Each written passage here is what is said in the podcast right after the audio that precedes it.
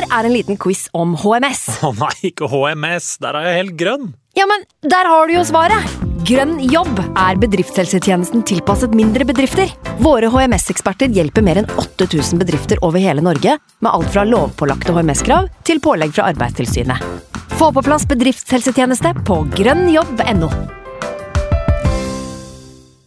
Hallo? Jeg kommer fra Oslo politikammer.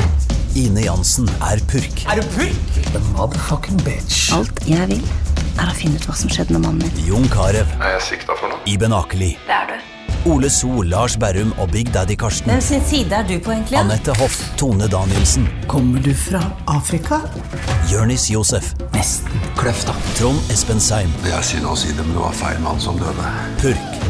Premiere tirsdag på TV2 Play. I can't believe it. Football, bloody hell.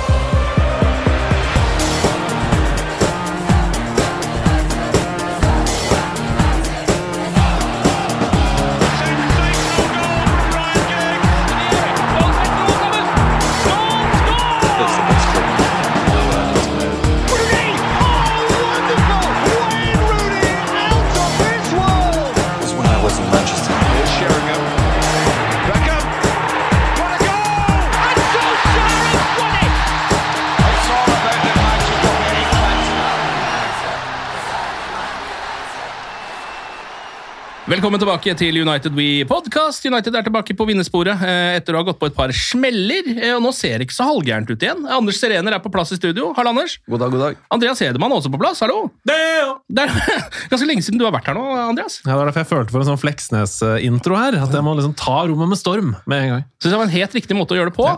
Ehm, jeg tenker jo Vi kan eh, høre med deg, siden du ikke har vært her på en eh, liten stund. Hva syns du om det du ser? Ja, eh, jeg syns sesongen sånn overall har vært veldig bra, jeg, egentlig. Eh, Ten Hag er vel nå, så vidt jeg vet, den manageren i Uniteds historie med flest seire i sin første sesong. Ja. Eh, og det er jo bra. Det er liksom noe å bygge videre på, tenker jeg, for å utfordre mot ligatittel etter hvert. Eh, så var det en røff periode her, du var jo inne på det også, med en del uh, skader etc. og noen kamper som du kan kritisere byttene til Ten Hag for. Ja. Men eh, all i all så syns jeg det er en veldig god sesong, altså. Uh, vi er ikke blant Altså, vi er ikke oppe og utfordrer med Arsenal og City, men vi er de beste av de neste. Ja. Uh, og det har vi sagt i noen år under Solskjær også, Ja. men, men ja, jeg syns det- vi er på riktig vei. Har du noe uh, formening om hvilke spillere du liker og hvilke du ikke liker på det laget som er nå? For det har jo kommet en del nye siden sist du var her, rett og slett. Altså en del nye folk som spiller på laget. Ja, og det er egentlig veldig um, hyggelig lesning da, for United-fans, uh, for jeg liker mange. Jeg liker veldig mange i den elveren her. Jeg liker Shaw, jeg liker Martinez, jeg liker Garnaccio, jeg liker Casemiro, Eriksen, Bruno Rashford. Eh, Det er mange å like da, i den elveren her. Jeg syns Ten Hag har fått mange til å bli bedre, og jeg syns de vi har henta også er gode. Um, og så liker jeg ikke Watt Weghorst. Eh, Jeg venta liksom på den. Ja. Og så liker jeg dessverre heller ikke Scott McTominay. Uh, lenger. Han har mista kjærligheten er uh, borte. Ja, ja, squadplayer, og vi skal spille 40 kamper i sesong, og ja, ja, vi trenger bredde og sånn, men vi trenger mer kvalitet i bredden også. Hvis Ja. du ser på de to elverne til City, som begge kan vinne ligagull. Um, Jeg tror da- kanskje det har vært en liten sånn uh, eh, hvilepute for United-fans en stund. At vi har hatt en del spillere som er sånn Jo, jo, men det er bra squad-player, her kan vi bygge. Og så begynner man etter hvert å se at det er nesten ikke plass til squad-players Nei, lenger heller. er Altså Du må ha to elvere som kan vinne Champions League på en måte for å eh, hevde det. I hvert fall i Premier League. Um, og så liker jeg ikke Maguire, dessverre. Uh, og han er det vel Det brenner vel på siste, synger på siste verset. Ja. Jeg syns det er uh, veldig fint om vi får solgt han i sommer. Da er det fortsatt verdi på kontrakten, uh, og han går ut med en slags viss dignity. Ja. For han kommer ikke til å være kaptein neste sesong. Nei. Og, og det Greier han å stå i det? Det er spørsmålet mitt. Ja, og, altså det er jo det, Jeg vet ikke om du er enig, Anders, men det er jo, føler jeg noe av det viktigste grepet United kan gjøre, er jo å gi det kapteinspinnet til Bruno fra og med starten av første sesong, eller slutten av denne, egentlig. Sånn at ikke det er et issue lenger, akkurat det kapteinspinnet. da. Det virker så åpenbart. da. Og Ja. nå, nå er det mer bare sånn, det er bare teit at det er Maguire som er kaptein. At Ja. han skal få det bindet når han kommer inn på slutten og har null autoritet. Ja. Null autoritet. Minus autoritet, faktisk. Eh, så det er, det er sånn, det kaller jeg no-brainer, rett og slett. Og så hadde det vært fint å fått uh, han uh, ut av klubben før det bli, blir en del av en sånn helt ræva mobbekultur som det er i ferd med å bli nå. Eh, på en måte. Så han, han har ikke så mange tabber i seg før det rakner for samtlige United-sportere. på en måte. Så det er fint hvis det, skjer, hvis det skjer før det. Jeg tror vi er én tabbe unna. Ja. Ja. En sånn der, kjip, skikkelig sånn teit sklid Maguire-tabbe, Ja. så er det liksom, da, da blir det så stygt. da. Ja. Men han spiller fortsatt for England. Eh, han er ikke for gammel. Han er i en alder som gjør at det er fortsatt ganske mange klubber som kan betale ganske mye for han. Ja, vi kommer til å gå på et ganske solid tap eh, kontra hva vi betalte for han, men det er ikke sånn at vi, det, det blir ikke som Pogba til Juventus. Vi skal ikke gi han bort, liksom. Nei. Så selg han denne sommeren. Syns så synd på Pogba nå, når du først nevner han. Han var jo inne og spilte sine første minutter eh, nå, og ble skada med en gang. Sånn er det når du blir utsatt for forbannelse. Ja, ja Det må jo være noe der, altså. Vet du, Det eneste jeg har sett av Pogba siden han gikk til Juventus, er sånn stillbilder. At han ligger skada, og så at han kommer ut av legesjekken dagen etter. Ja. Eh, For Da er det masse pressekorps der og masse folk som står og ser at han igjen har fått seg en smell. Og så er det de promobildene for den nye drakta, hvor han ser helt rå ut. selvfølgelig. Han ser alltid helt rå ut i den Juventus-drakta. Ja, Eh, bare synd han ikke er på banen med den så mye. Vet du, hva, men, men det er bare trist. Det Ja, er det er faktisk bare trist. Han kunne bare vært verdens absolutt beste midtbanespiller nå. Og Ja. så er det litt personlig valg og litt uflaks. Og sånn er det. Og så er det en faktor som heter Manchester United oppi der. Eh, Det er litt vanskelig Yes. å si som en Manchester United-supporter. Det er ikke sånn vi har tenkt å starte denne podkasten, men jeg har tenkt litt på det når jeg har tenkt på de spillerne der. Jeg har, det var en periode jeg har tenkt å sette opp et sånt Fifa-lag. Med litt sånn, ok, Dette er spillere som eh, fotballverden ler litt av. Og så gikk det opp for meg at ni av de elleve var Manchester United-spillere. Som ikke spilte der lenger nødvendigvis, men altså den type folk. da. Det kunne også vært, eh, Elveren kunne også hett spillere som United ødela. Ja, på en måte. Og det er, Jeg vet ikke helt hvorfor det er sånn, men det er et å voldsomt eh, blanding av et helt vilt press eh, sannsynligvis, som kommer når du spiller for Manchester United. Du må fortelle denne elveren en gang, da. Altså, sånn, Ja, jeg sånn har ikke hele i hodet nå, men vi kan jo allerede bare tenke på spillere som Harry Maguire, Alexis Sanchez, Paul Pogba eh, ja, eh, ja, Det fins mange. Kagawa. Ja, Kagawa er Han, kanskje er jo, han, han er på benken her, i hvert fall. Mkhitaryan. Eh, Det er mange. Det er mange. det er- det er Eh. Hva med han eh, eld- aldrende spissen? Diego, nei, ikke Diego Forlan, men han andre som Ikke Cavani. Han som kom før Cavani. så- Falcao? Falcao. Ja. Ah, men han, vi, der fikk vi en B-vare. Uh, og så sendte vi den fra oss som en C-vare, kanskje. Men eh, Og så ble han avvar igjen en liten periode etterpå. skjønner du? Det er det som har skjedd med noen av de spillerne der. som er, er litt merkelig. men noen ganger så trengs det bare litt maling og kjærlighet. Ja. Så har du en fin, et fint produkt igjen. Mkhitaryan også nå. Eh, spilte jo Champions League-semifinale og skårte han. Eh, og sendte sannsynligvis sin klubb ja, muligens i hvert fall, videre til en finale. finale. Men la oss fokusere på de som faktisk er i klubben, eh, og gå videre til matchen som var mot eh, Wolves nå. En klassisk must win-kamp, vil jeg si. For ved nok et tap der, da, da tror jeg det hadde begynt å brenne under rassen på de fleste United-spillere, og i hvert fall til Nag. Mm. Laget var litt sånn merkelig, for det var en veldig gledelig nyhet og en eh, veldig dårlig nyhet. Varan tilbake på laget. Veldig, veldig viktig, tenker jeg, å få han inn igjen. Absolutt. Skadeutsatt uh, spiller, dessverre, men når han først er der, så gjør han det ofte bra for United. Og så Rashford ute. Og Ten Hag kunne ikke si så mye om hva det var. Er det noen av dere som skjønte hvor lenge han er ute, og hva som egentlig hadde skjedd med han? Jeg fikk bare et inntrykk av at det var en liten skade i forkant der, og så sa Ten Hag vi vet ikke helt hva som er eh, omfanget akkurat nå. Det er uh, omtrent som når stjernespilleren uh, ikke vil svare om fremtiden sin, men eh, bare Gud vet. Uh, Ja. Det er aldri et godt tegn, tenker jeg. Og han har spilt så sinnssykt mye fotball denne sesongen. Ja. Eller det siste året. Når han ikke var skadd, ja. Mm. Ja, at Det er nok ikke umulig at dette er en sånn slitasjeting som kanskje holder han ute resten av sesongen. Ja. Ja, men er ikke dette også et tilfelle av klassisk eh, hvile eh, stjernespilleren uten å ydmyke motstanderen? Altså uten å si sånn 'vi tror vi vinner uten han', eh, folkens. Så vi lar han være ute av laget. Han trenger den hvilen. Det er jo sånn, Dette skjedde jo hele tiden med Ferguson. Nei, det er en skade, kan ikke si så mye om det. Tilbake neste kamp. Mm. Vi skal spille finaler, folkens. Vi skal spille mot City. Um, det er naturlig å hvile Rashford, da, tenker jeg. Ja. Og det er jo også litt sånn Ja da, Rashford er helt fantastisk god. En av våre aller aller beste spillere. Kjempeviktig. Men hvis du ser på squad depth-kart, som vi kommer litt tilbake til senere, så er det faktisk i den posisjonen, i hvert fall på venstre, vi har nesten best dekning. Ja. Eh, vi har ikke best dekning f.eks. på midtstopper, så jeg ble veldig mye mer glad for at Varan er tilbake, enn jeg ble eh, skuffa og lei meg for at Rashford er ute. da. Men når det er sagt, han er, kommer til å bli viktig i innspurten, så han må jo Jeg håper med hele hjertet mitt at det bare var en hvilesituasjon. Ja, og han må spille den FA-cupfinalen hvis det skal være noe sjanse til å vinne den, tenker jeg da. Ja. Da må United ha toppalag. Um, Solskjær er jo tilbake på Old Trafford, og det er jo for så vidt uh, hyggelig å se. Nesten litt rart at det, er, at det tok så lang tid. Uh, Jeg tror det var vondest for han, det bruddet. Ja. Jeg tror det er han som har holdt igjen der. Jeg Ja. tror ikke det er klubben som ikke har invitert han. Nei, nei, han har fått masse invitasjoner. Men uh, det er jo alltid vondt å møte eksen igjen. Eh, I et sånn sosialt hyggelig lag hvor du må se bli ut og ha det bra, liksom. Spesielt når det ikke var enighet. Altså, han ville jo. Han, Men hun han, ville ikke. Hun ville ikke i det hele. Hun var lei, hun. rett Og da slett. er det sånn men kan vi fortsatt være venner? Vil du komme tilbake og spise kake sammen med min nye kjæreste? Som ser bare nydelig ut. Ja. Han gjør det bra. Han er Ja. vellykka.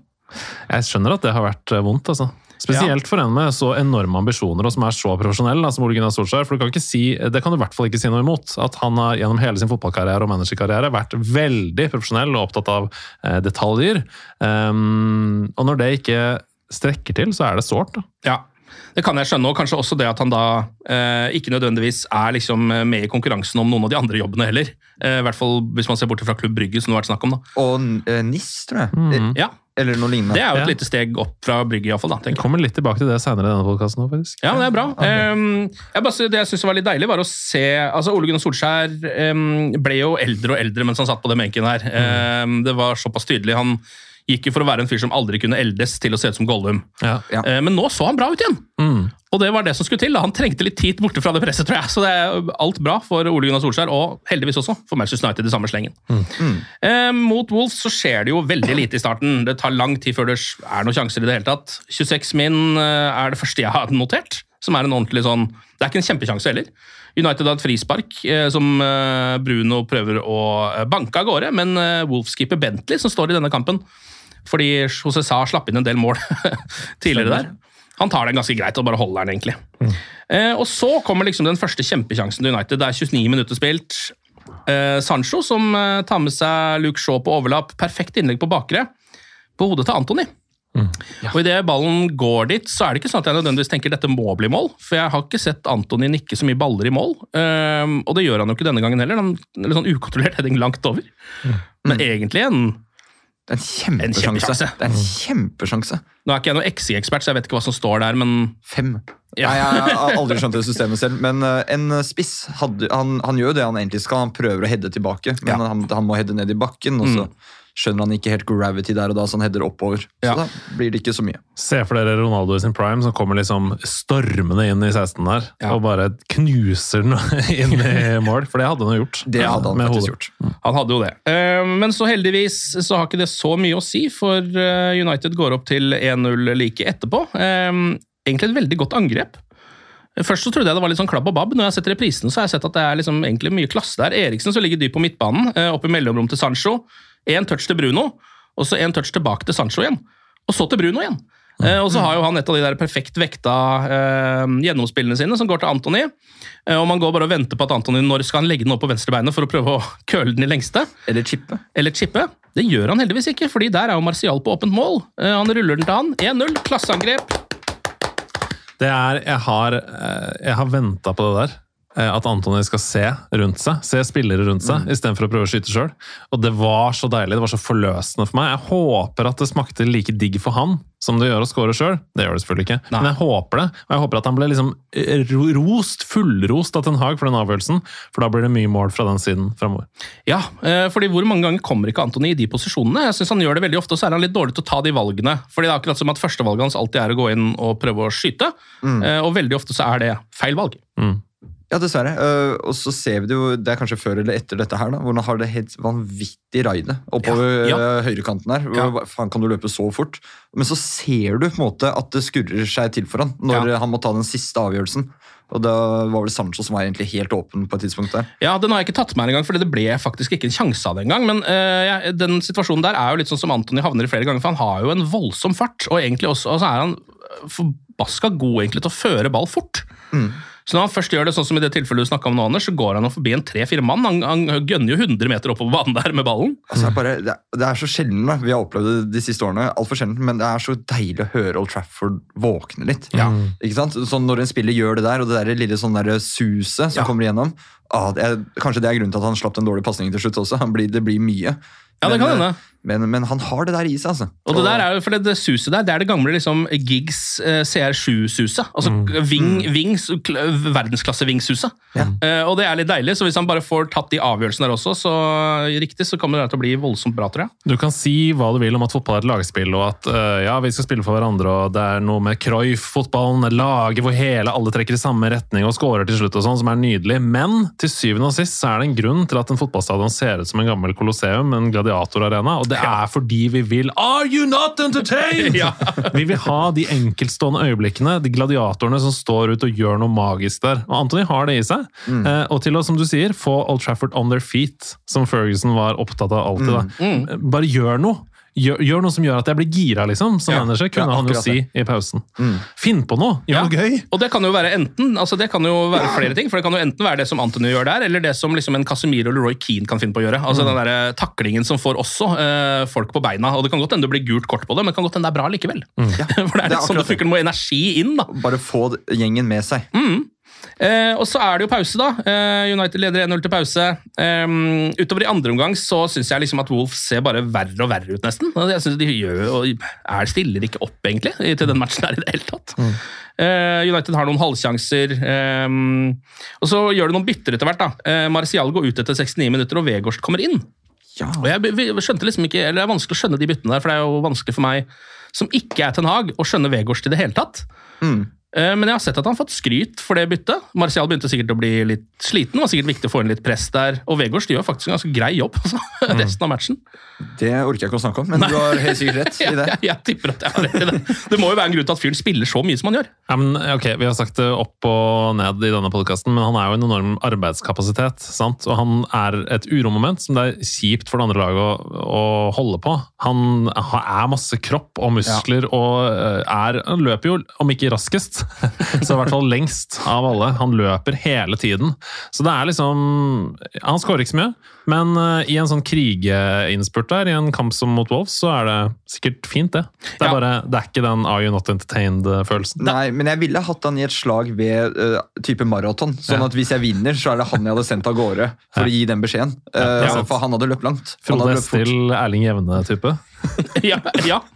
Eh, og i dette tilfellet så får man jo også for så vidt delvis betalt for å ha fyren på banen. Eh, først så er det en liten United-sjanse etter eh, 73 min. Casemiro som bryter. Eh, Vegårst som har en liten touch der, til Jaden Sancho. Han eh, drar seg inn forbi bekken og har en eh, veldig god avslutning, nærmest egentlig, sånn tilbake eh, i det andre hjørnet igjen. Men der er Bentley igjen, som vel ble kåra til banens beste spiller, ble han ikke da? Eh, I hvert fall ifølge Erik Den Haag. Men det der er en sinnssyk redning. Ja, den er det. Ja, den, er- den er så god at Casemiro faller til knærne sine i, i bakgrunnen. Ja. Det, det gjør han jo uansett omtrent. men- Han er jo en herlig dramatisk Ja, type, men Casemiro. Han er en gladiator, men jeg tror veldig mange så den i mål. Men, Bortsett fra Bentley. men apropos forbannelser og Pogba, det er jo en forbannelse om Manchester United. At hver gang vi møter et lag, så blir motstanderens keeper eh, Premier Leagues beste keeper. Det skjer i hver kamp, Ja. i hvert fall hvis det er bunnlag. Og det handler jo om Det er ikke bare eh, på en måte fjas, det jeg sier, fordi man motiverer seg på en annen måte som keeper til en storkamp. Jeg kan si det sjøl, jeg har vært keeper i ti år. Ja. Eh, Jeg har spilt eh, faktisk bronsefinale i Norway Cup, så jeg kan si det at det er klart du er mer konsentrert, klart du er mer skrudd på når du skal ut på den banen mot Dynamo Tbilisi enn du skal mot Norsan Hvitgul uka før. Det er klart det er, skjer noe der. Så, Ja, mm. det gjør det, det, er, men det er jo påfallende da, at det skal skje gang på gang på gang, eh, og spesielt på Old Trafford, egentlig.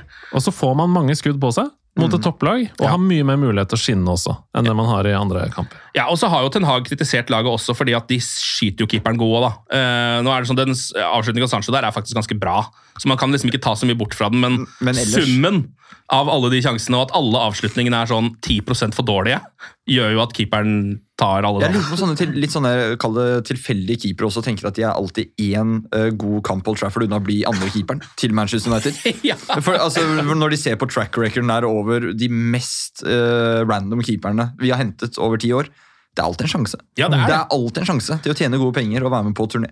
Jeg lurer også på om Bentley hadde vel sin Premier League-debut, tror jeg, i den kampen her. Eh, jeg er Ikke ikke 100% sikker på det, men jeg lurer på om han hadde det. Eh, Deilig navn òg, da. Ja. Bentley. Bentley. Det er masse deilige ordspill der. Der kan man jobbe mye. Eh, og Wolves fortsetter jo egentlig å skape absolutt ingenting, og gjør også masse feil. Spiller liksom sånne Spiller gjennombruddspasninger til Manchester United og sånn. Eh, så s- Jeg blir nesten litt sjokkert av det. Eh, men United får jo liksom ikke avgjort matchen. Da. Så det er akkurat i den fasen her, sånn inn mot 80 minutter, så sitter man jo med den følelsen, for jeg har sett de kampene her før, at uh, nå burde vi for lengst ha vunnet den kampen. Har vi ikke gjort. Veldig lett å skusle bort poeng Veldig. mot slutten her. Heldigvis så tar liksom ikke Wolves agnet, da. De, de, de gidder rett og slett ikke. Men de, var så, de, de har jo ingenting å spille for. Nei. Og det var veldig tydelig i den kampen her også. Jeg lurer på om det nesten gjorde det vanskeligere for United iblant. Akkurat som hvis du spiller mot en dårligere Fifa-spiller. Altså, du bare, det har ikke noe å si hva du gjør, for du kommer deg ikke forbi. For han bare står der uansett, liksom. Eh, ja, men, skjønner du? Ja, ja. Men samtidig, City hadde vunnet den kampen 8-1. Det Ja, hadde- det, det, det er veldig sant. De hadde nok det. Kommer noen bytter etter hvert der. Eh, United bytter ut Varan etter 81 min. Sikkert lurt, så han får eh, hvilt seg bitte lite grann. Eh, Maguire kommer inn. Eriksen går ut, Fred kommer inn, og så kommer også Garnaccio inn for Sancho etter hvert, som skal vise seg å være relativt avgjørende. Um, eh, Casemiro har jeg, liker at han har begynt å skyte så mye som han gjør, for det husker jeg ikke så mye fra realtida. At han gjorde det var liksom, Da var det Modric og Kroos som tok det ansvaret.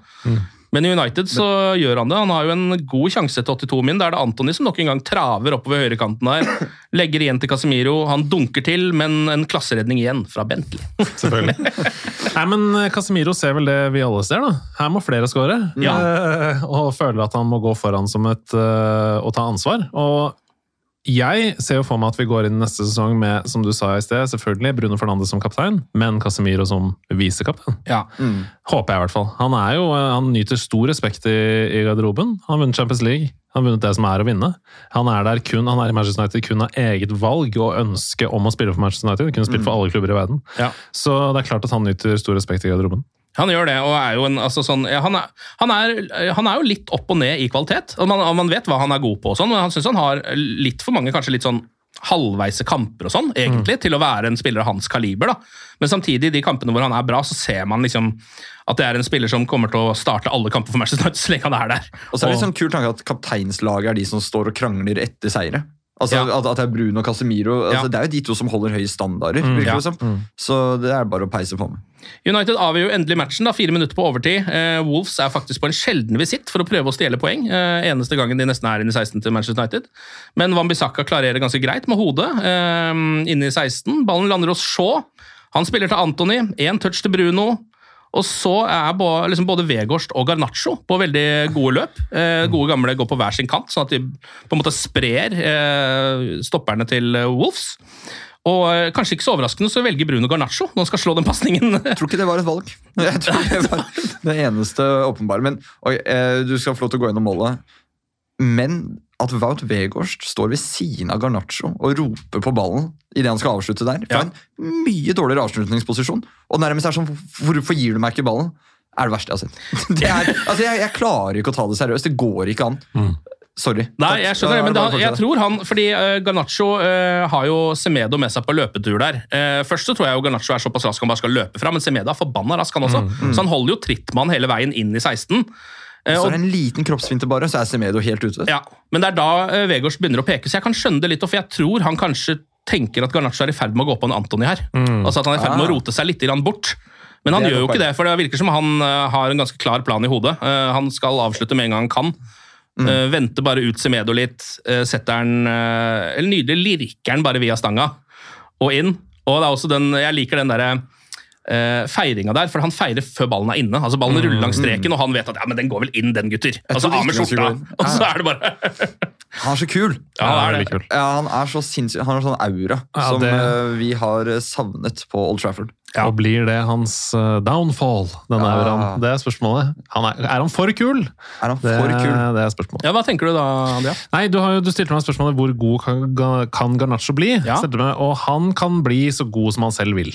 Det tenker jeg. Mm Eh, han har absolutt talentet. Han har det samme talentet som vi har sett i Martin Ødegaard og Erling Braut Haaland, syns jeg. da. Spørsmålet er jo om han har holdningene og livsstilen til de to nevnte spillerne. For er han, liksom, er han villig til å legge ned det arbeidet som trengs, og holde seg på jorda, sånn som Haaland? Altså, Det er helt sinnssykt at vi har en fotballspiller som har satt uh, tidenes rekord for mål i Premier League med antall lag som vi har nå. Jeg orker ikke å referere til han gamle fra 30-tallet. Men, uh, men um, vi har han, og han sier, og Jack Reelish sier i intervjuer når jeg skal ut på byen, så skal han hjem og sitte i isbad Ja. og drikke smoothies og legge seg og spille TV-spill og sove. Han er ultra-pro. Det er det han vil med livet, fordi han vil ha en fotballkarriere som varer i 20 år til. Han vil skåre 3000 mål. Garnaccio har liksom vært sånn eh, hvis jeg ikke får spille, så går jeg til en annen klubb. Alle Ja. vil ha meg. Mm. Liksom, det var, dro ut i den signeringsprosessen med kontrakt der. Noen sånne holdninger Bruno satte han eh, rimelig tydelig på plass, både i offentligheten i et kampintervju og på treningsfeltet, visstnok. Ja. Så det er litt sånn, Han har de riktige forbildene rundt seg, men nå er det bare opp til han. Han Ja. kan bli så god som han bare vil, men det er opp til han. Jeg synes det, er, det her har vi snakket om tidligere, og det er rart å gå inn i privatlivet til spillere på den måten, men jeg syns det er et veldig godt tegn at han har fått barn eh, allerede som såpass ung. Mm. Eller at han skal få det. da. Han er, den er vel på vei. Jeg vet ikke om han har kommet til nå. Det skjer noe med ansvarsfølelsen da, selvfølgelig. Ja, det gjør jo det, og så er det et eller annet med at du satser på det. Da Da har han jo allerede et stabilt forhold, forhåpentligvis. Eh, det virker vel det er i hvert fall sånn det framstår. Eh, og at han kanskje er en av de der liksom, søramerikanerne som er utrolig opptatt av familie og sånn. Det pleier ofte å komme litt lenger enn eh, den gamle partybrassen, eh, på en måte, som skal tilbake til Rio hver gang det er ferie. og Ronaldinho, tenker man. Ja, Ronaldinho eller liksom Neymar nesten også, som er sånn han tar ferie en gang i året for å, For å være med søsteren sin. å være med søstera si hver gang det er crunch time og Champions League-semifinale og sånn. Det, det orker jeg bare ikke. Det er noe av det sykeste jeg har hørt, egentlig. Så, Men så har han også eh, kanskje en av de beste eh, I hvert fall den beste treneren Manchester United har hatt siden Ferguson i hans eh, i den posisjonen han er i. Da Da han surra det litt til i preseason, så var jo Ten Hag klokkeklar med en gang. Altså det, det, det skjer bare ikke. Da blir det ikke noe spilletid på deg. Så det tok jo ganske lang tid før han ble fasa inn Ja. i laget i det hele tatt. Og jeg bare tror at han kunne fått litt større frihet til å være det rasshølet tidligere, under andre managere som hadde sett at han må vi bruke uansett. liksom. ja, ja. Um, men det er opp til han, som det blir sagt. Og det, sånn vil det alltid være med talenter. Men vi har en juvel der, ja. uten tvil, som jeg mistenker er veldig sulten på den sjueren. Og når var sist man så en 18 år gammel eh, offensiv spiller som jeg syns egentlig allerede burde spille nesten fast? da? Det er jo For jeg syns han har mer energi og mer å by på enn Sancho har i veldig mange kamper, f.eks. Um, det er jo dessverre hans navn vi ikke nevner. holdt jeg på å si. Altså Mason Greenwood uh, Ja. er et av de. ja. Ja, jeg syns ikke han hadde like høyt toppnivå, men Rashford slår meg Ja. som 18-åring. Ja. Eh, med tempo og sånn. Mason Greenwood veldig, altså skårer mellom beina på hvert eneste skudd og er liksom alltid målsnik. da, Litt sånn som Haaland, egentlig, bare med litt annen kroppsbygning. Mens eh, Rashford har en mer komplett, hadde en mer komplett eh, pakke. Allerede som 18-åring, selv om han var litt veik. Mm. Eh, og det er jo det Garnaccio også jeg syns har. da. Han er liksom Daniel James, bare med finteknikk. ja. ja. Bare en god fotballspiller. Og, ja, virker også, altså, ja, og tar litt smartere avgjørelser også, så det kan bli bra, det. Eh, kampen ender i hvert fall eh, 2-0 etter Garnaccio sitt mål. Eh, jeg har lyst til å hylle Bruno Fernandes litt, for jeg syns han har stått opp for Manchester United, selv i de kampene hvor de har spilt litt dårlig nå og tapt. Så er det, det er noe med han, han Ikke bare det at han går foran og kjefter og, eh, og smeller og holder på litt, men han gjør altså så mange rette avgjørelser i løpet av én fotballkamp, uansett hva alle de andre på banen måtte finne på å gjøre. Og det står det så respekt av, syns jeg. Jeg føler man glemmer, eller man glemmer kanskje ikke, men altså, bare hvor god fotballspiller Bruno Fernandes er. Eh, han har nok litt litt under å ha spilt i et underpresterende lag over flere år. Ja. Men jeg tror det er ingen som har skapt flere sjanser i Premier League siden han kom til Manchester United, enn han. i det hele tatt. Nei. Og han gjør det jo kamp etter kamp etter kamp, om det er i sekserrollen, åtterollen, tier på høyrekanten. Han har jo det mest stabile toppnivået United uh, har Mm. på banen, og det har han hatt i, i tre-fire år. Han er helt vanvittig spiller. Jeg så et sånt intervju i United.no for en stund siden hvor det var sånn flere andre supporterledere i andre klubber fikk lov til å velge seg én spiller fra United som de ville hatt, og alle sa Bruno Fernandes. Ja. Og det sier jo litt, på en måte. Altså Hele resten av Premier League hadde sklidd rett inn på laget. Eh, til og med kanskje Manchester City. Så det er litt sånn, ja. Det er ganske Ja, utrolig. At vi har han i stallen. Vi skal være veldig veldig takknemlige for det. Eh, og ikke minst takke Solskjær. Skulle til å si det. Ja, vi skal takke Solskjær for det, eh, som jeg tror koste seg på tribunen når han eh, performancen til eh, Bruno. Og også det at han da er en type som faktisk tar det som tar det ansvaret. Han er liksom ikke den, der, han er ikke den øh, stjernespilleren som faller bort når resten av laget er dårlig, som veldig mange andre gjør. Han er liksom på en måte alltid på det nivået, syns jeg. Og så er det liksom alle andre rundt han som Han kan ha dårlige kamper og bomme på en del pasninger, sånn, men det er på en måte en tanke bak hver eneste ting han gjør. Mm. Gjerne to tanker frem. Ja, også. Jeg har lyst til å trekke fram Shaw også, som jeg syns nesten var banens beste. i denne kampen her. Fikk tre bonus på fantasy, ja, så det er tydeligvis at han gjorde noe riktig. Nei, Ja. men Han var utrolig god, Eh, Ja. og det er så deilig å se. Nå har vi jo sånne Shaw-spills hver eneste sesong hvor det er sånn Han er verdens beste venstreback! Og så blir han skada eller forsvinner litt. Men la oss krysse fingrene da for at det varer denne gangen. Ja, eh, helt enig. Der, der, ja, der tror jeg vi har Jeg tror ikke vi trenger å tenke på den venstrebekken eh, inntil videre. Nå har jeg sagt sånne ting før og måtte trekke det, men eh, akkurat nå skal jeg prøve å stå ved det. Eh, ok, Da er det tre kamper igjen av Premier League-sesongen. United er fire poeng eh, foran Liverpool. Nå har de like mange kamper spilt endelig, så trenger vi ikke å tenke på den der, eh, greiene der lenger. Sannsynligheten for topp fire nå, da? Er det noen som har eh, Jeg vet ikke at jeg trenger ikke å liksom regne på det matematisk, men følelsen av sannsynligheten på topp fire? Nei, den er, altså den er stor. Ja. Det, er, det er stor sannsynlighet for topp fire. Jeg, tror nesten, jeg syns det er stor sannsynlighet for topp tre. Eh, Det er Newcastle som vi må forbi. De har et tøffere kampprogram enn oss, syns jeg, Mm. på papiret. eh, Og vi er i bedre form enn dem. Ja. Så eh, der er vi A-poeng med Newcastle. Og jeg tror vi kan vinne alle de tre siste. Um, også Chelsea, selv om de har en oppadgående kurve. Eh, I hvert fall Mm. På en måte. i- på en måte. Så ja. Hvis vi får ni poeng, så, så får vi tredjeplass. Og hvor viktig er det å ta den plassen foran Liverpool, er eh, oppfølgingsspørsmålet her. Um, Det betyr alt. ja. Det betyr, sånn For min del personlig og venner og sånn, så betyr det alt. Det er, det er, det er, det er, da er sesongen egentlig en katastrofe. Hvis vi faller utenfor topp fire nå, og mulig tap i FA-cupfinalen, Og Liverpool tar den. og Liverpool tar den det, er, det, er, det vil jeg si, da er det, er, da er- det katastrofe. Ja, men det er jo det. Da, da, har vi, da har vi vært der oppe så lenge, og så skal vi le av Arsenal som er butlers og sånn. Det går ikke. Nei.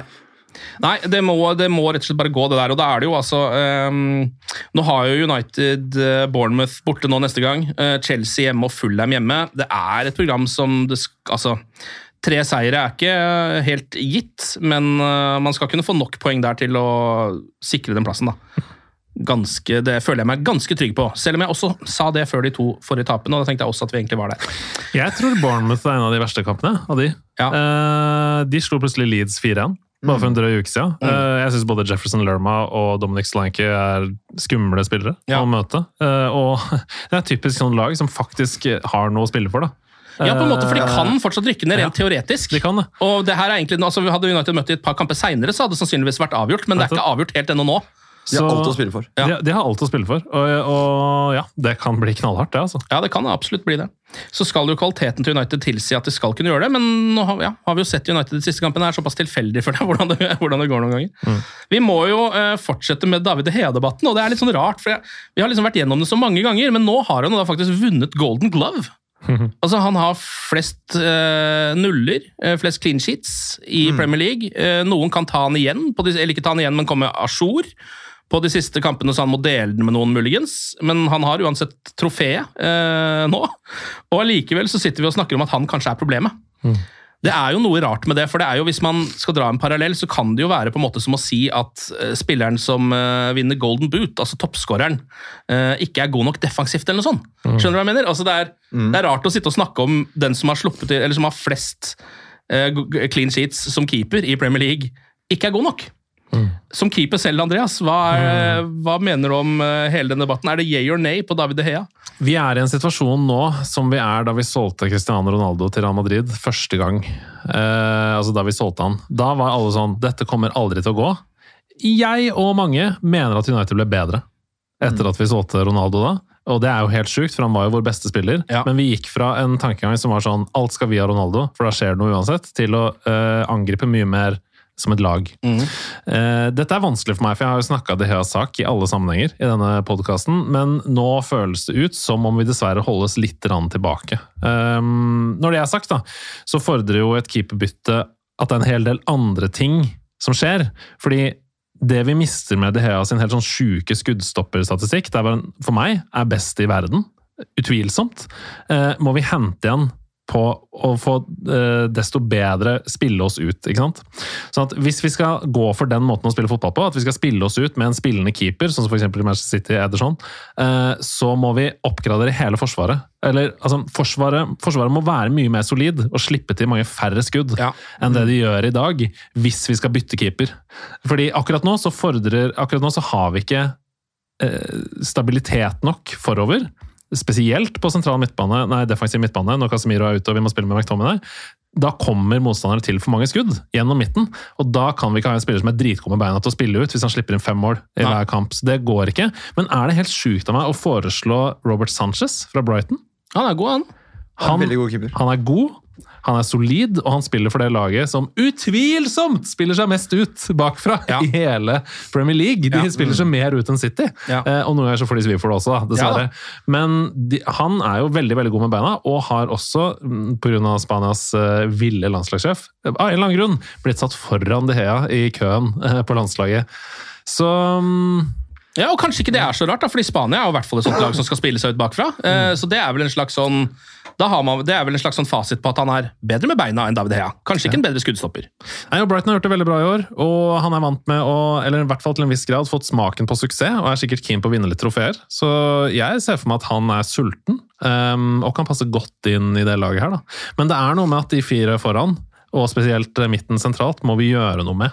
Hvis vi skal gå vekk fra skuddstopper. Så det er litt sånn, Alle sier sånn Vi må bare bytte til en keeper som er bedre med beina.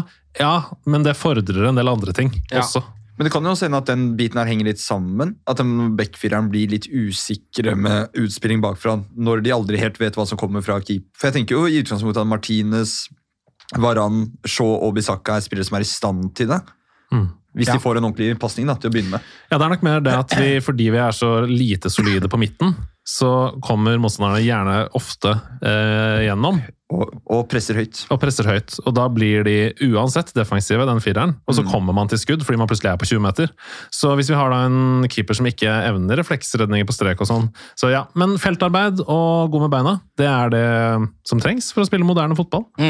Rett og slett. Ja, Jeg er veldig spent på hvor det der går. Um, fordi er, altså Sånn som det er nå, så um, har jo ikke United et ubegrensa budsjett å bruke på spillere heller. Uh, Så man må jo prioritere ganske hardt her.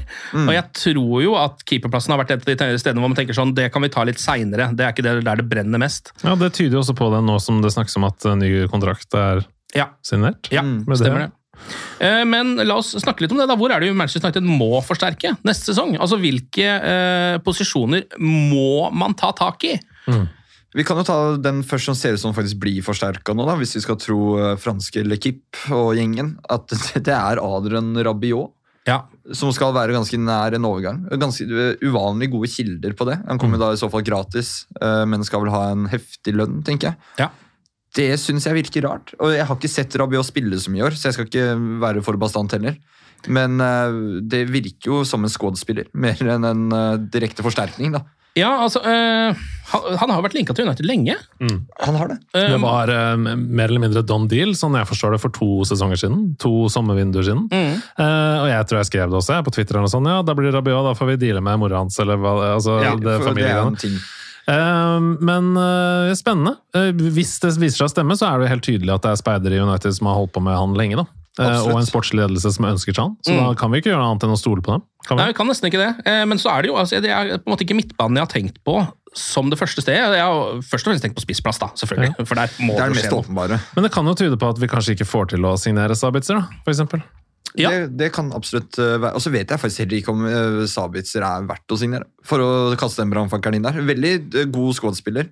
Men um, Jeg vet det er mange United-sportere som vil beholde han etter det han har Ja, og jeg hadde ikke, jeg hadde ikke blitt rasende, men jeg syns heller ikke at han nødvendigvis tilfører United-laget sånn voldsomt mye. Annet enn å være en stabilt uh, god McTominay-variant. Hvis hvis vi tenker på CM- og DM-posisjonen da, som på en måte en flytende posisjon, da har vi da, hvis vi ikke signerer Sabitzer, så har vi Eriksen eh, med to sesonger igjen på kontrakten. Vi har Fred med én sesong igjen på kontrakten. Så har vi Casemiro og McTominay. Det er Ja. det vi har. Ja. Mm. Så vi, da må vi ha mer. ja, vi må sikkert det, da. Ja. Min første tanke blir faktisk at jeg ønsker veldig at Fred får en forlengelse. At han får ny kontrakt. Ja. For han, han er faktisk en god squad-spiller. Mm. Hvis han er komfortabel med det, så kan han Han er nå i stand til å endre et kampbilde litt. Um, og det vil jeg gjerne se mer av. ja.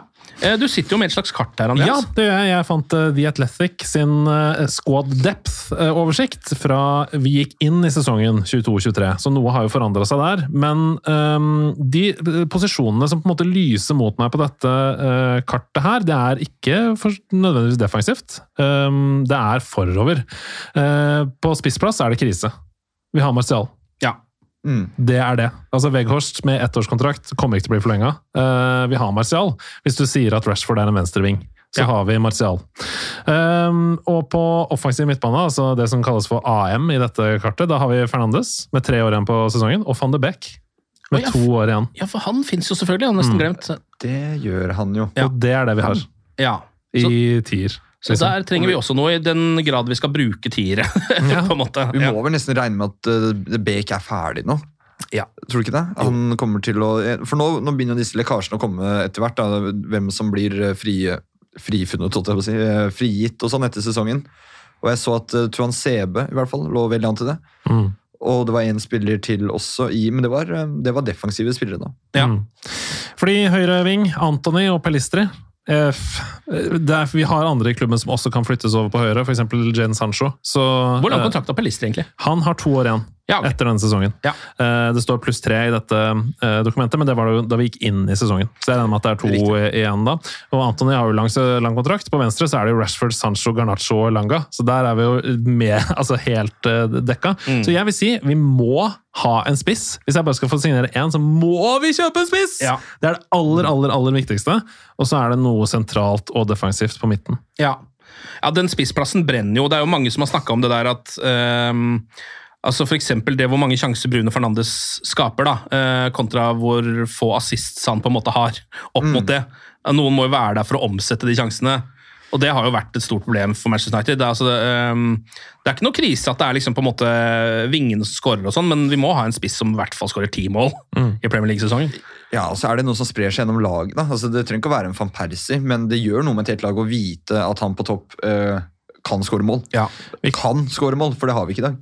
Vi kan ikke gå inn i en ny sesong med én spiss, og det er Antony Martial, som har ett år igjen på kontrakten! Nei. Vi kan ikke gjøre det! Og han er skada halve sesongen. Ja. Altså det, vi, det, han må spille 60 minutter, fordi hvis ikke så blir han skada. Ja. Sånn skjedde det sist. Skal vi gå i en sånn City-sesong med falsk nier da, hele sesongen? Og så er det faktisk et poeng med uh, Martial. Elsker fyren, uh, alt gjort. Men disse skadene har også ført til at han har mista noe. Altså Han har mista den, om det er akselerasjonen eller det der, den der eh, eksplosiviteten. Ja. Den er litt borte. Ja, den er det. Dessverre. Uh, og det er sikkert mange grunner til det, men han, jeg tror dette er hans uh, svanesang. si. Ja. Hans siste sesong. Eh, og da er det jo eh, snakk om et par Det er jo et par spisser som nevnes eh, hyppig. eh, og Det er Harry Kane eh, og det er Victor Osimhen. Eh, vanskelig for meg å vite altså sånn, hvor realistisk det er for Manchester United å få tak i noen av de. Kane har det vært veldig sånn Ja, han eh, kommer til å gå nå eh, etter sesongen, og så er det plutselig sånn Nei da, det gjør han tydeligvis ikke. Han skal være ute kontrakten. Og så er liksom, går ryktene fram og tilbake der, da. Victor Osimhen er en spiller som jeg har sett altfor lite av. eh, men fryktelig spennende, selvfølgelig. Men også en sånn spiller som jeg føler er sånn Det er ikke sikkert at altså Harry Kane vet man. Osimhen vet man ikke, tror jeg. Kan fort hende han er bedre og blir bedre med åra, men Det er litt som Kagawa og Mkhitaryan. Ja. Vi, vi, det kan gå dritbra, det kan gå skikkelig dritt. Ja. Men, men hvis vi selger Martial og får inn Kane og Simen, da er det et sykt eh, vindu. Altså, det er fantastisk. ja. Da blir det bobler uh, neste sesong, i episode her, men det er vanskelig å se for seg. er det ikke det? Jo, Jo. det er vanskelig å se for seg, også fordi dette oppkjøpet drar ut. da. Det er, Ja. Hvem er det som egentlig skal betale for gildet? Det er det jo ingen som vet. Nei, og der er det jo nå, altså der går det jo også opp og ned, men jeg føler jo at det er mange som mener at det er sir Jim Ratcliffe som ligger best an nå, med sitt bud. Please, please, please. please. Og det jeg tror uh, alle Manchester United-supportere, eller i hvert fall de aller fleste, er fornøyde med det, uten at man trenger å vite så mye om Jim Ratcliffe engang, bare fordi det ikke er Qatar. For det var han Solskjær fikk eh, forespørsel fra om å ta over NIS. Eh, Og det avslørte han jo i går, vel, på hotellet. Eh, Solskjær hadde ble Ja, det var sånn kvelden før kamp. eh, Ja, sånn, ja, det stemmer det. Det var sånn Q&A på hotellet der, og da sa han det. Dette er det ingen som vet, men nå vet dere det, venner. Da visste selvfølgelig hele pressen det rett etterpå også. Jeg ble spurt av Ratcliffe om å ta over NIS. Så det betyr jo at det er jo en fyr med hjerte for Manchester United, helt Ja. åpenbart. Og for min del så er det helt avgjørende at det blir Jim Ratcliffe. Hvis det blir staten eh, Qatar som tar over Manchester United, så er det forholdet over. Ja, da klarer ikke du å følge Nei, United da er jeg lenger. ferdig med Manchester United. Ja, det er jo et helvete, det, da. Så Ja, det er, helt, eh, det er som å begrave sin egen mor, på en måte. Så det, Ja. er helt, eh, det kommer til å bli en sørgeperiode som kommer til å vare helt til den klubben er solgt til. Og jeg tror ikke du er den eneste heller. Altså, jeg tror det er flere som har den samme tankegangen. Ja, så Men nå ser du jo Jeg blir, jeg får- jeg blir emosjonell av å snakke om det. Jeg får, jeg får klump i halsen. Jeg syns det er skikkelig fælt å tenke på. Ja, det er jo det. Og jeg, men jeg har hørt flere si det, altså sånn si det rett ut, og jeg tror på de som sier det. Altså, jeg tror ikke de bare sier det for, å, eh, for show, liksom.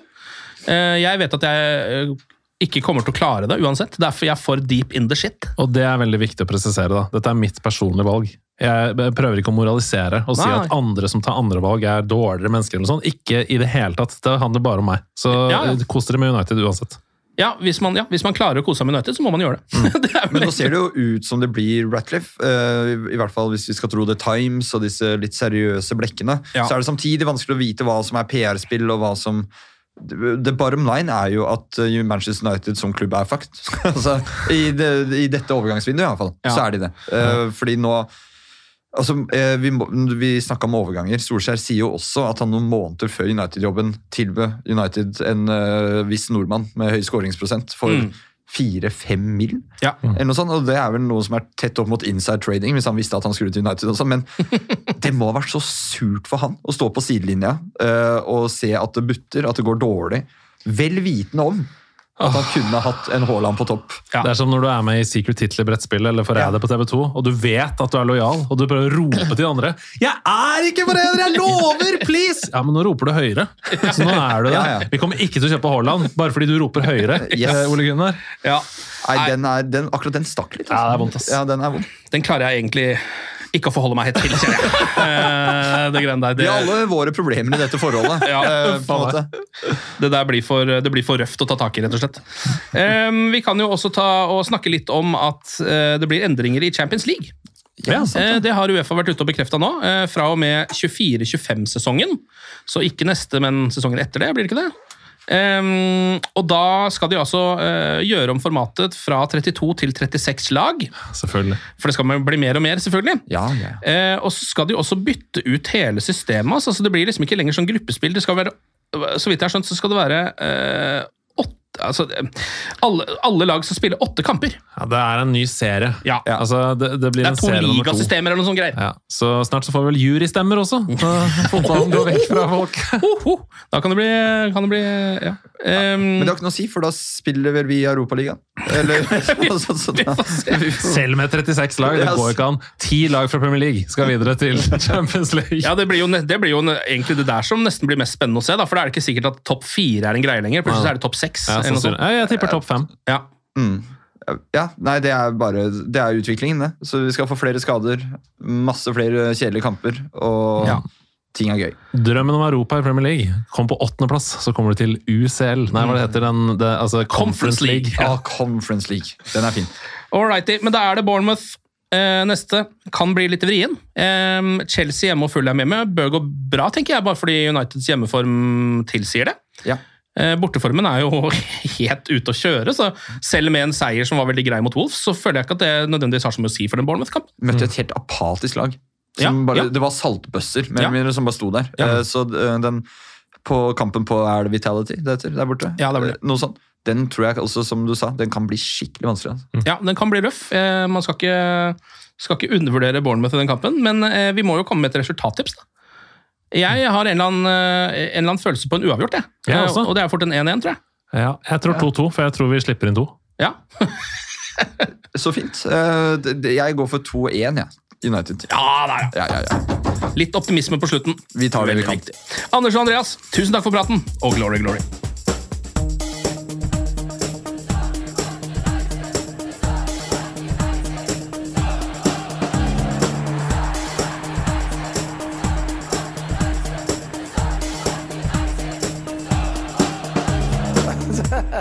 Oh, it's true. I've seen many things. Moderne media. Ukens annonsør det er matkasseleverandøren Hello Fresh. Der kan du velge mellom 25 ulike oppskrifter hver uke, eller få Hello Fresh til å sette sammen en meny for deg. Jeg sparer tid på å handle, oppskriftene er veldig enkle å lage, og så får jeg akkurat det jeg trenger da, til hver eneste rett, så jeg slipper å kaste så mye mat som jeg vanligvis gjør. Det er også litt deilig å faktisk slippe å gå på butikken, ikke bare fordi det er tidkrevende og sånn, men fordi man ender opp med å kjøpe så mye greier som man egentlig ikke trenger, sånn som fire poser eh, Smash og en kick med havsalt, eksempel. Det er ikke det du egentlig er der for, du er der for å kjøpe, kjøpe middag. Så det er en veldig eh, kjekk ting. I tillegg så er det jo eh, ferdigporsjonerte ingredienser, det blir mindre matsvinn, og du betaler bare for det du faktisk trenger, og det du faktisk da spiser. I tillegg så blir det da levert på døra eh, til et fastsatt tidspunkt, sånn at du kan få det akkurat når det passer for deg eh, sjæl. Hvis HelloFresh høres ut som noe for deg, så har jeg en rabattkode du kan bruke også. Gå inn på hellofresh.no og bruk koden HelloUnited24. HelloUnited i ett ord, også 24. og få opptil 1779 kroner i rabatt på de fem første matkassene dine hvis du ikke har prøvd Hello Fresh ennå. Du kan også bruke koden hvis du tidligere har vært kunde, men har stoppa abonnementet ditt for tolv måneder siden eller mer. Det er ingen bindingstid, og du kan pause eller avslutte abonnementet ditt akkurat når du selv måtte ønske. Husk koden HelloUnited24, og bon appétit! Ukens annonsør er Folio, en smartere banktjeneste for deg som har en egen bedrift eller ønsker å starte for deg selv. Folio er en superenkel nettbank for bedrifter. Som kunde i Folio får du en bedriftskonto med et bedriftskort og app. I denne appen er det smarte løsninger som forenkler regnskapet ditt, uansett om du har en liten bedrift eller et enkeltpersonsforetak. Folio er både intuitivt og brukervennlig, og er laget med et enkelt språk. I tillegg tilbyr de forutsigbare priser og ingen skjulte gebyrer. Skulle du likevel trenge det, så kan du snakke med deres raske og hyggelige kundeservice, og der får du prate med en faktisk person og ikke en chatbot. Folio er med andre ord både enklere og koseligere enn banken. Over 10 000 bedrifter har allerede valgt Folio som sin banktjeneste, så besøk folio.no og se hvordan Folio kan forenkle din hverdag også. Har du et enkeltpersonforetak eller en liten bedrift? Da er du sikkert lei av å høre meg snakke om hvor enkelt det er med kvitteringer og bilag i fiken, så vi eh, gir oss her, vi. Fordi vi liker enkelt. Fiken superenkelt regnskap.